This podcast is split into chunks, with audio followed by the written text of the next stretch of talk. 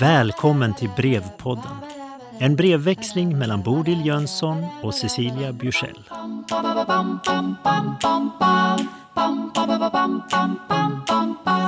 Cecilia, brev 9. Kära Bodil. Upprepning är kunskapens moder. Jag ställde frågan och du hade redan gett svaret. Men eftersom jag är 28 år yngre tar det väl ett tag för det här att sjunka in.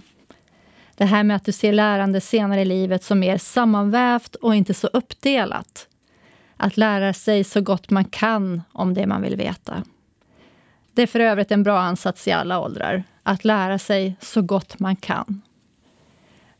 Med det sagt låter det bra att både fördjupa sig i något och att fortsätta att fritt utforska olika teman. Jag har fattat tycke för det här flödiga och improviserade skrivandet utan mål som vi ägnar oss åt. Det är något kreativt i det. Du blickade bakåt 50 år och undrade över vad Bodil då hade svarat. Jag kan inte riktigt blicka bakåt 50 år, då var jag en pladdrande tvååring. Men om jag blickar bakåt 40 år, så var det vanligt med brevväxling. Jag hade brevvänner i allt från Tunisien, genom 4H-föreningen och i byn, alltså mina vanliga kompisar som skrev brev. Och så cyklade vi och lämnade här i varandras brevlådor. Då jag tänker på vad de breven innehöll, till exempel beskrivningar av det som hade hänt under dagen, kan jag konstatera att jag har samlat på mig en hel del kunskaper och erfarenheter under dessa år. Inte så att jag vill hävda den egna kunskapen framför allt. Så pass skolad är jag i vetenskaplighet att jag förstår styrkor och svagheter med mitt eget och andras kunskapsbygge. Men jag är definitivt ett exempel på det som sägs känneteckna vuxnas lärande och ännu mer äldres lärande. Alltså att jag har en utvecklad referensram som är min startpunkt när jag förhåller mig till nya tankar. Men istället för en referensram skulle jag nog hellre säga ett referensträd. Där grenarna utgör de mer stabila strukturerna medan löven knoppas, slår ut och faller av. Tankarna blåser som vinden genom trädet och får vissa blad att rassla och göra sig påminda. Vår brevväxling i sin nuvarande form är som vinden som vandrar mellan tankar och skapar rörelser här och där. Det gillar jag. Men nu undrar jag över en annan sak. Du blir jubeldoktor i år och du fyller jämnt. Fantastiskt. Grattis! Men sådana milstolpar kan ju väcka existentiella funderingar. Hur är det för dig? Med tacksamhet för vår brevväxling, Cecilia. Bodil, brev 9. Vet du Cecilia, jag gillar att både du och jag skrev brev till andra barn när vi själva var barn. Och då alltid just berättade. Till synes utan att vare sig analysera eller värdera. Lite avslöjade vi oss förstås i vad vi fäste oss vid och ville berätta och hur vi uttryckte oss. Men ingen av oss kom på idén att ens försöka skriva ut analyser och värderingar.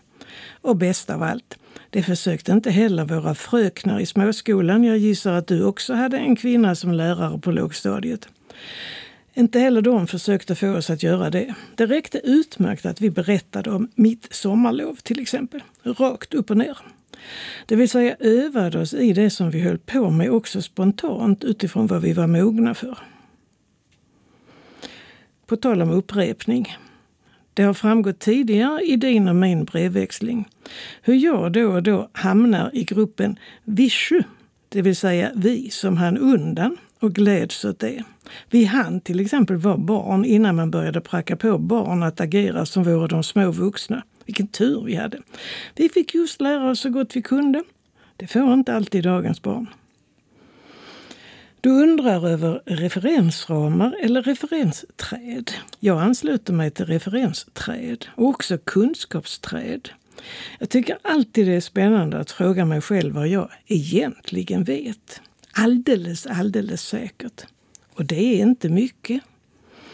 Det mesta som vi tror oss veta, det är rena rama efterapande kunskapen. Det är sånt som vi har snappat upp och som vi aldrig riktigt har bearbetat i våra egna kunskapsgeneratorer. Det sitter just som löv längst ut på kunskapsträdet och hänger löst i förhållande till allt det andra. Det är så lätt att vara öppensinnad inför alternativ till dessa löshängande saker. Förändringen drar ju inte något annat med sig. Det övriga trädet kan finnas kvar helt opåverkat. Annorlunda är det med det som berör trädets inre delar. Skulle jag ge upp dem skulle jag ju behöva ompröva så oerhört mycket av allt det andra som jag vet. De gedigna kunskaperna hänger ju samman, ofta dubbelriktat, och de går att exemplifiera i det oändliga. De kan jag försvara som en lejoninna gör med sina barn. Stackars alla dessa ivriga uppfinnare till exempel, som har försökt uppvakta mig med allehanda evighetsmaskiner, men utan att någonsin visa mig att de fungerar. De har inte haft det lätt. Termodynamikens första och andra huvudsats är ju i det närmaste heliga för mig. De omprövar jag inte med mindre än att jag möter något som absolut ursäkert motsäger dem. Är då inte detta ett exempel på att jag inte är tillräckligt öppen? Nej, säger jag. Tvärtom. Det är ju det som får mig att stå upp. Varenda en av oss, också jag, måste kunna vila i något som vi är övertygade om håller i alla väder. Det finns förresten många andra sätt att uttrycka det här. Ett lite mer drastiskt är, för att kunna vara lös i köttet måste man vara stram i skelettet. Du undrar över vad jubeldoktoreriet och 80-årsdagen ställer till i mig existentiellt. Det vet jag inte.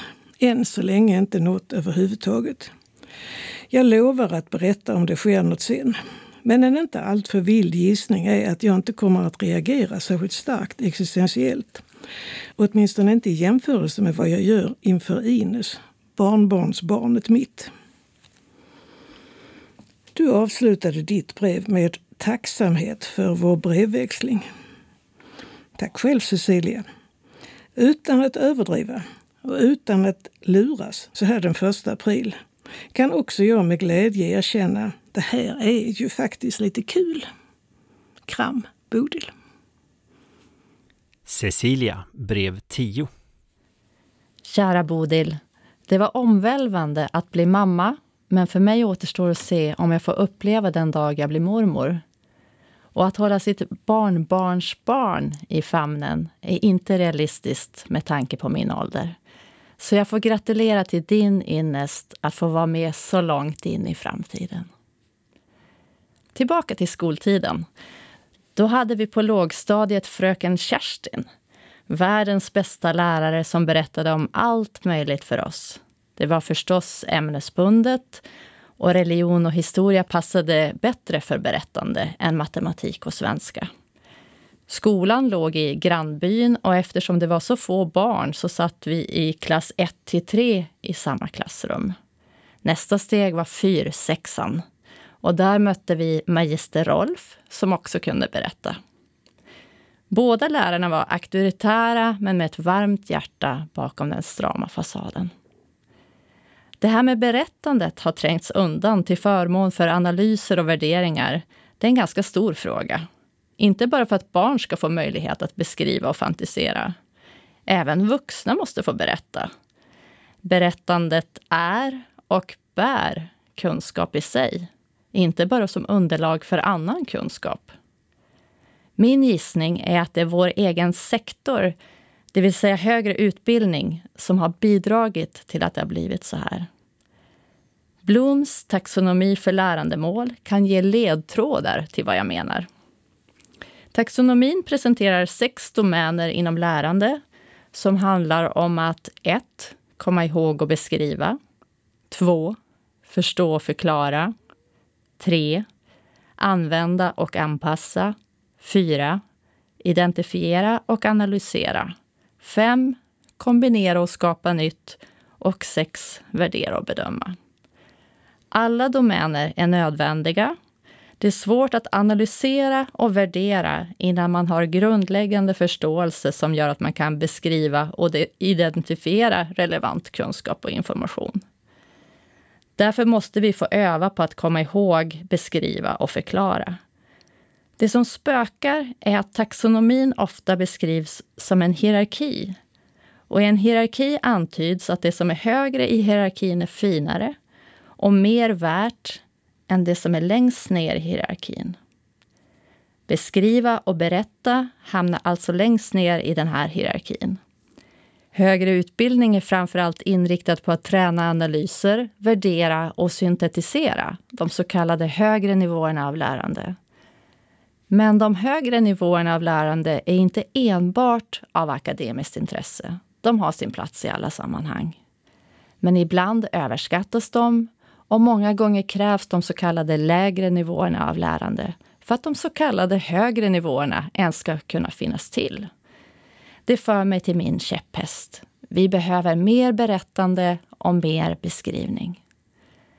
Den här begränsningen finns som tur var främst i det formella skolsystemet. Och då det kommer till äldres lärande får berättelserna blomstra. Det berättas om det egna livet och om hur det var förr. Berättandet för kunskap och samlade livsanalyser vidare till andra. Men de är också ett sätt att förstå sig själv. En av mina favoritteorier menar att berättelsen inte är något skilt från jaget, utan att vi är våra berättelser.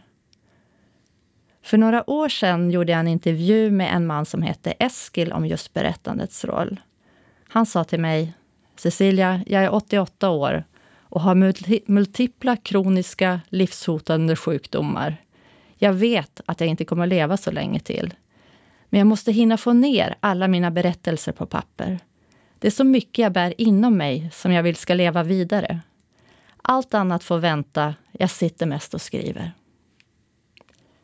Två år senare kom hans bok Röster som tystnat ut. En vecka senare dog han. Jag är glad att det blev som han ville. Att han hann skriva ner allt och samla det som en bok. Det är en viktig bok även för mig eftersom den innehåller mycket lokalhistoria från orten där jag kommer ifrån. Alla behöver inte skriva en bok, men alla som vill bör få möjlighet att berätta om sitt liv. Därför uppskattar jag alla de här Skriv om ditt liv-böcker som finns som stöd. Det enda problemet med dem är väl att man ofta börjar för sent. Och med det sagt ska jag plocka fram en sån bok som jag ska börja skriva i och ta hem till mamma så att vi kan prata om den. Med vårsolsvärme, din Cecilia. Bodil, brev 10. Kära Cecilia. Ja, visst är vi våra berättelser. Antingen vi skriver ner dem eller ej. Våra berättelser bottnar i sin tur i våra sammanhangsföreställningar, det vill säga våra föreställningar om hur saker och ting hänger ihop. Sammanhangsföreställningar är ett av de vackraste ord jag vet. Mellan enskilda berättelser och sammanhangsföreställningar pågår det hela tiden ett dubbelriktat flöde. Induktioner, när vi, ofta omärkligt för oss själva, rör oss från berättelser till sammanhangsföreställningar. Deduktioner vi ibland lika omärkligt går på andra hållet, det vill säga från sammanhangsföreställningar till nya berättelser. Och så håller det på, gång på gång, med en och annan abduktion på köpet. Det är inte att undra på att man efterhand förstår sig själv bättre. Och, tror jag, också ofta andra. Har du förresten läst Torsten Hägerstrands postumt utgivna bok Tillvaroväven? Du skriver, det här med att berättandet har sedan den tiden trängts undan till förmån för analyser och värderingar. Och så fortsätter du med att berättelser dessvärre hamnat längst ner i lärandehierarkin. Låt mig ge dig ett exempel på detta inuti universitetsmiljön av idag. Jag fanns med på universitetet vid internets genombrott. Det var en fantastisk tid. Med alla dessa nya lärande och forskande rymder som öppnade sig. Vi sporrades ömsom till tidigare oanade höjder.